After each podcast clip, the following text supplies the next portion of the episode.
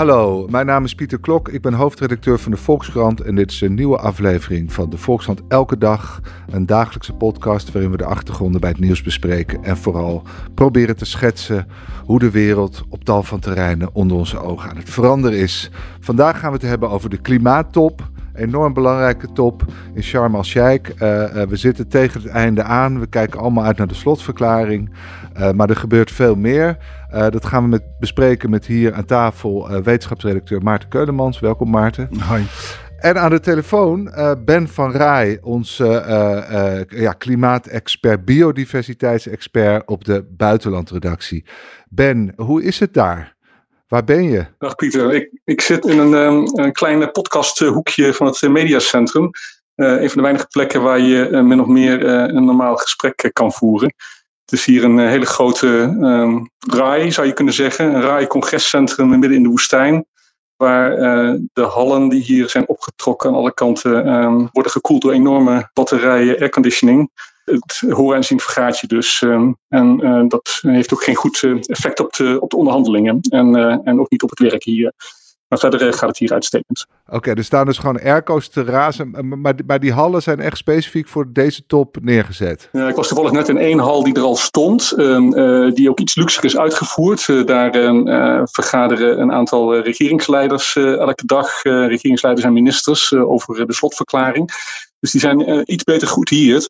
Maar uh, voor het journaaien, uh, niet dat ik dat uh, voorop wil stellen, bijvoorbeeld, maar is er een mediacentrum, media, mediahal gemaakt, die volgens mij een maand geleden nog niet stond. En ja, die eigenlijk meer een soort tent is met, met airconditioning, dat wel. Maar dat straalt niet enorm duurzaamheid uit. Het lijkt een beetje op het WK, op een iets andere schaal, weliswaar. Ja, je kan dit natuurlijk inderdaad een beetje daarmee uh, vergelijken. Nee, het straalt niet echt duurzaamheid uit. Dus het is een heel rare mengeling hier in, uh, in Sharm. Want uh, er zijn natuurlijk een aantal dingen heel nadrukkelijk ook in de sfeer van de klimaattop georganiseerd. Er zijn elektrische bussen. Ik heb zelfs een, een prachtig blauw geverfd fietspad gezien. Denemarken heeft hier een aantal ruilfietsen volgens mij gestationeerd. dat zijn dingen waaruit blijkt dat we hier met, met duurzaamheid bezig zijn, zal ik maar zeggen de hele top om die hier zeg maar, in de woestijn uh, in een badplaats ver weg van overal um, te organiseren. Um, onder de rook van het uh, vliegveld uh, of onder de luchtlijnen van het, van het vliegveld van Sharm el-Sheikh. nee, dat maakt niet echt een hele duurzame indruk. Alles wat hier gebruikt wordt, van de, van de airconditioning tot aan de, de printers en nou ja, de broodjes en noem maar op, die worden allemaal van, van elders aangevoerd. Dus duurzaamheid heeft er weinig mee te maken. Maar waarom wilde Egypte deze top eigenlijk zo graag? Het is, een, uh, het is een eer om deze top te organiseren. Uh, hij roleert. Uh, dit is de 27e editie. alle lidstaten van de, van de klimaatconventie van de VN, de UNFCCC, die kunnen in principe zich aanmelden om die top te organiseren. En ja, veel landen doen dat ook omdat ze het, omdat ze het belangrijk vinden. En Egypte wilde deze top uh, mede, denk ik, ook om uh, een soort Afrikaanse top te organiseren. Dus uh, om, Egypte ziet zich natuurlijk van oudsher heel graag als een van de leidende staten van Afrika. Ik denk dat ze dat ook heel graag hier willen uitdragen. Dat merk je, merk je aan alles.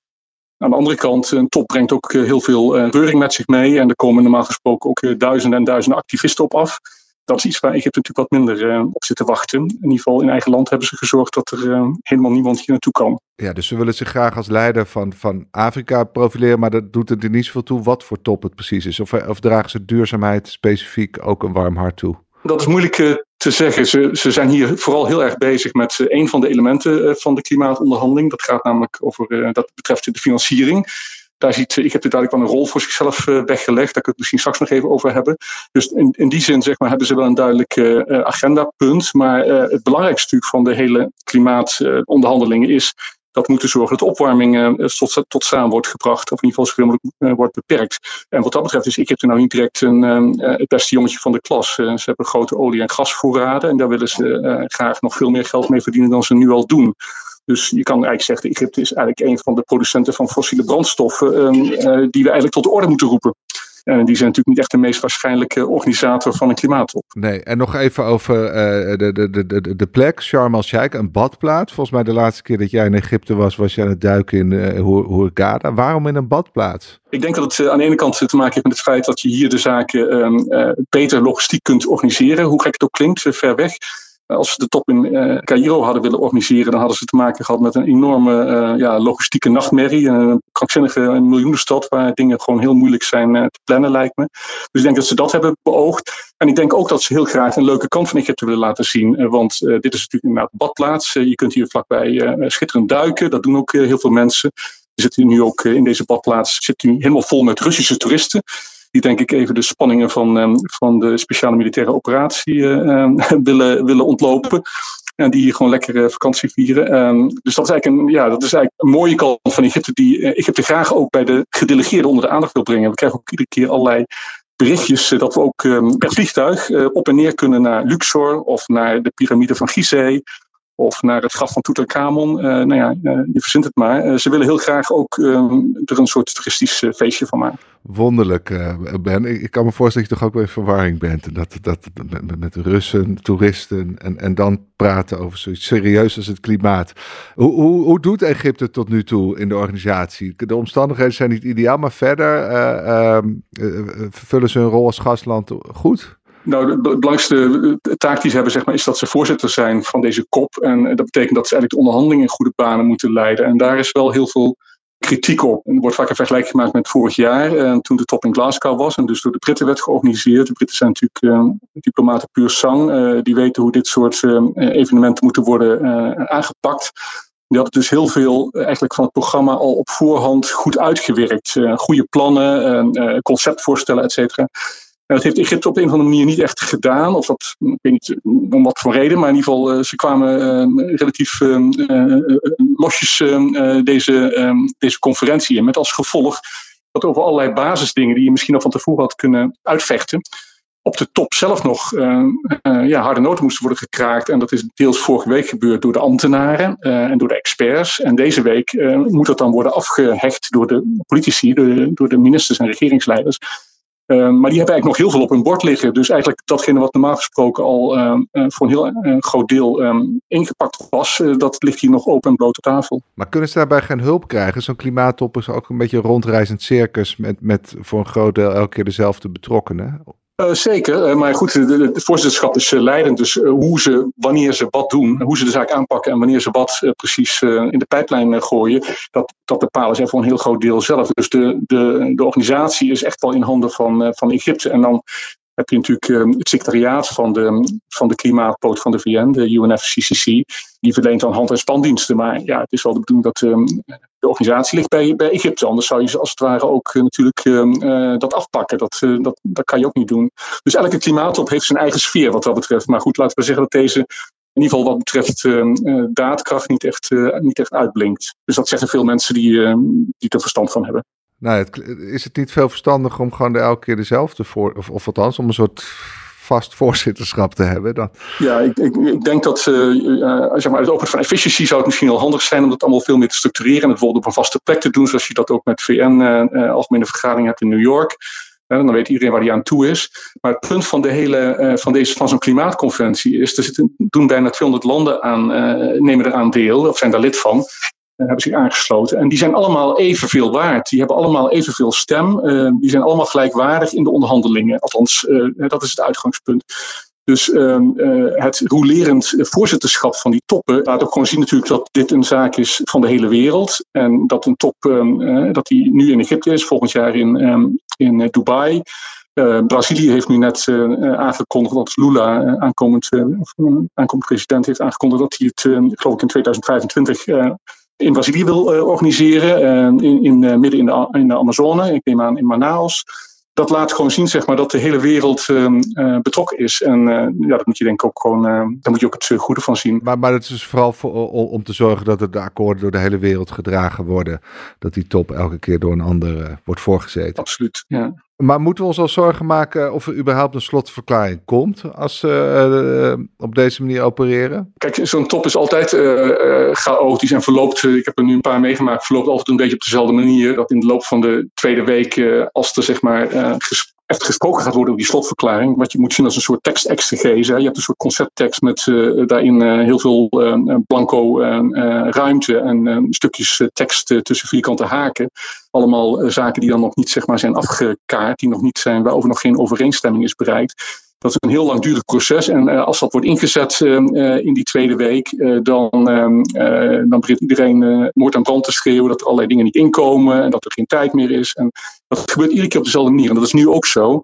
De zaak wordt altijd een beetje gevreemd als dat het is, het is een onmogelijke opgave. En we hebben geen tijd voor. Het gaat, het gaat nooit lukken op deze manier. Allemaal natuurlijk om andere partijen onder druk te zetten. Dus daar moet je altijd een beetje doorheen prikken. Maar het is wel zo dat uh, er nu wel twee grote problemen zijn eigenlijk, uh, uh, die in die slotverklaring toch op de een of andere manier moeten worden ondergebracht. Het ene is dat er dus zorgen zijn over het ambitieniveau eigenlijk van internationale klimaatonderhandelingen. En dat heeft dan vooral te maken met het feit dat vorig jaar in Glasgow is afgesproken dat, dat alle landen nog veel meer dan ze al van plan zouden moeten zijn, hun best zouden doen om de opwarming onder de anderhalve graad te houden, hè, de beroemde 1,5. Dus eh, er was vooraf en in het begin van de top nog eh, sprake van dat sommige landen daarvan af zouden willen, omdat het toch onhaalbare kaart zou zijn. Dus dan vaak het idee. we zitten natuurlijk al op 1,1 graad opwarming, dus veel ruimte hebben we niet. Maar uh, het is wel heel erg belangrijk dat die anderhalve graad gewoon overeind uh, wordt gehouden. En dat gaat waarschijnlijk ook wel gebeuren in die, um, in die slotverklaring. Dat is ook met dank aan de G20 overigens, die op Bali hebben gezegd, de grote landen um, van de wereld, de grote economieën van de wereld, dat ze um, die 1,5 overeind willen houden. Dat is eigenlijk niet voldoende, want eigenlijk moeten we om die 1,5 uh, overeind te houden, moeten we ook afspreken hoe we dat gaan doen. En met andere woorden, hoeveel meer uh, inzet we gaan geven aan onze klimaatplannen, al die landen uh, bij elkaar. Ja, Frans Timmermans had het goede voorbeeld gegeven door de doelen voor de, de Europese Unie verder aan te scherpen. Is, is dat belangrijk, zo'n signaal, om ook de anderen in beweging te krijgen? Dat is zeker belangrijk. in ieder geval voor, de, voor de bühne is het belangrijk. Hoewel um, die aanscherping eigenlijk een soort formalisering is van iets wat de EU eigenlijk heeft ontdekt, namelijk dat de plannen die ze al hadden en een paar dingen die ze nu hebben afgesproken in wetten, tot een iets grotere reductie leiden dan, dan ze aanvankelijk dachten. Dus niet 55, maar 57 procent afname in 2030. En dat is op zich heel mooi, alleen volgens de critici doet de EU daarmee nog steeds niet genoeg. Want dan zou de EU volgens mij 65% terug moeten gaan. Maar ja, dit is natuurlijk al een enorme opgave. En je kan ook zeggen, het is heel mooi dat de EU gewoon vasthoudt aan dit plan. Ook al zitten we natuurlijk in een heel moeilijk, een heel moeilijk jaar met de oorlog in Oekraïne en de energiecrisis en de inflatie en noem maar op. Dus in die zin laat de EU wel zien hoe het moet. En de hoop is natuurlijk inderdaad dat andere landen daarbij, daarbij aanhaken. Maarten, Jij als wetenschapsredacteur, uh, hoe, hoe, realistisch is het nog om uh, uh, te hopen of te verwachten dat de, de, de, de opwarming van de aarde beperkt blijft tot anderhalve graad? Nou ja, niet zo heel erg. we zitten nu op 1,1 graad. Volgens sommige berekeningen zelfs al 1,2 graad opwarming. En ja, als je gewoon de, de, de grafiekjes ziet, dan, dan zie je gewoon van om nog om die anderhalve graad te blijven, dan moeten we nu echt als een speer wereldwijd naar beneden gaan met, met de uitstoot van broeikasgassen. Dat zou dan 45% minder moeten worden, dus bijna halveren. En uh, ja, de, direct. Ja, uh, voor 2030. Ja. En dat, nou ja, dat, is, dat is eigenlijk gewoon ja, nagenoeg onmogelijk om dat uh, te doen. analyseerde ook de Verenigde Naties vorige, vorige maand nog in weer een rapport. Ja. Want je ziet gewoon dat de reële verwachting is dat de lijntjes eigenlijk gewoon, ja, de uitstoot loopt iets op, blijft misschien gelijk. Het hangt er erg vanaf wat er precies aan, aan plannen wordt uitgevoerd. Hoe, hoe, kijk je dan naar zo'n top? denk je dat is allemaal theater voor de bühne. Uh, dat ze toch mensen, ja, dat is vrij makkelijk om te zeggen. We, we, houden nog steeds vast aan die anderhalve graad. Als je daar ja. niet een heel pakket bij levert. Hoe, hoe kijk jij daarnaar? Nou, inderdaad, uh, net als Ben, niet met, uh, met grote vrolijkheid. Want je nee. ziet gewoon dat deze top toch niet echt een heel groot resultaat gaat opleveren. Het ook interessant, die anderhalve graad. Nou, die blijft dan wel overeind in de conceptverklaring die ik heb gezien. Maar heel interessant, daar staat dan uh, nergens bij van we gaan de opwarming beperken tot anderhalve graad. Er staat dan veel meer van ja, uh, het nastreven van, van, uh, van initiatieven om de opwarming te beperken tot anderhalve graad. Dus het is allemaal boterzacht geformuleerd en niemand kan erop afgerekend worden. En bovenal, er is geen, geen echte uitvoeringsagenda. Er is niemand die echt ja, weet je wel, een plan heeft van hoe gaan we die uitstoot terugbrengen de komende jaren. Dus vooral goede bedoelingen. Uh, welke landen sputteren nou het meest tegen? Amerika heeft in, in ieder geval uh, niet meer Donald Trump, dus Joe Biden, die, die de klimaatdoelen toch wel echt omarmd heeft. Maar welke landen blijven achter? Nou ja, China is een hele belangrijke speler. In zijn eentje is China verantwoordelijk voor iets van een kwart van de werelduitstoot. Het is echt ongekend veel is het natuurlijk. En China is natuurlijk een hele eigenzinnige speler op het uh, toneel. Uh, die niet echt graag meedoet aan allerlei klimaatafspraken. Dus dat is een hele belangrijke dwarsligger. En, en deze top gaat ook heel erg over het verschil tussen de, de rijke landen en de arme landen. De arme landen willen eigenlijk gewoon een, uh, een compensatiefonds, een klimaatcompensatiefonds voor klimaatrampen. Dus als er een, ergens een overstroming is en die wordt veroorzaakt door het klimaat, dan willen arme landen willen daar gewoon geld voor zien. Of neem honger in de hoorn van Afrika. Somalië heeft al gezegd van ja, daar willen wij gewoon vijf, 50 miljard dollar willen we daarvoor als compensatie voor, voor, die, voor die schade. Dus dat is iets wat nu heel erg uh, ook uh, deze top uh, bezighoudt. Ja, en, en dat is ook logisch gezien het voorzitterschap van Egypte misschien. Ja. Dat, dat ook dat deel van de wereld zich... zich ja, precies wat Ben zegt. Egypte werpt zich op als leider van Afrika. En het is natuurlijk vooral Afrika waar ze, waar ze echt de hand op houden. Van, van ja, wij worden getroffen door het klimaat. En, maar hoe realistisch is, is dat 50 miljard naar Somalië? Nou, Totaal niet. nou ja, een van de dingen die erg ingewikkeld is, is van ja, hoe ga je op een gegeven moment klimaatschade vaststellen. Er is nu net vandaag eigenlijk uitgekomen een rapport van die overstromingen in eh, Niger en Nigeria van afgelopen mhm. zomer. Enorme overstromingen geweest, eh, heftige regenval. Er zijn iets van 800 mensen zijn daarbij omgekomen. Eh, miljoenen mensen ontheemd geraakt heel heftig. En je hebt in, in de wereld heb je een initiatief van wetenschappers. Dat heet het World Weather Attribution Initiative. En die kijken gewoon van kun je dit soort dingen nou toeschrijven aan klimaatverandering. En ze komen er nu vanochtend in een rapport op uit dat iets van 5% heviger is de regenval geweest door klimaatverandering. Dus ja, dat is heel ingewikkeld om te zeggen van ja, dit komt door klimaatverandering. Ja. 5% is natuurlijk een, een marge. En, betekent, en het moeilijke is, je kunt ook niet zeggen van, betekent dat nou dat uh, als het minder heftig was geweest, dat er dan ook echt minder doden waren gevallen? Ja, effecten zijn ook vaak heel lokaal. We hebben natuurlijk Precies, vorig jaar ook gezien in Europa dat op één plek ineens heel hard gaat regenen en de boel uh, helemaal overstroomt. Dus ja. En in Nigeria was bijvoorbeeld een probleem. Uh, er is daar, uh, zijn daar waterwerken, die zijn nog altijd niet afgerond. Er zou daar nog een enorme dam moeten komen om het water tegen te houden. En die dam is nooit afgebouwd. Ja. En dat heeft gewoon uh, die watersnood heel erg verergerd. Plus dat de mensen daar ook nog wonen in een heel gevoelig gebied, overstromingsgevoelig gebied. Dus uh, ja, een van de, van, de, van de uitkomsten van dat, uh, van dat rapport is ook van, van ja, oké, okay, het komt voor een deel door het klimaat, maar ga ook vooral die waterwerken eens een keertje afmaken. Maar dan is het misschien toch veel zinvoller wat ze bij de vorige toppen ook al hebben afgesproken, dat wij gewoon hen helpen om minder CO2 uit te stoten. Ja, ja dat, dat, dat is dus maar één kant van het probleem. Het gaat natuurlijk ook gewoon om uh, nou ja, het, het, geld wat we, wat we gewoon moeten overmaken naar uh, arme landen. Ja. Om te zorgen dat ze daar klimaatbestendiger worden.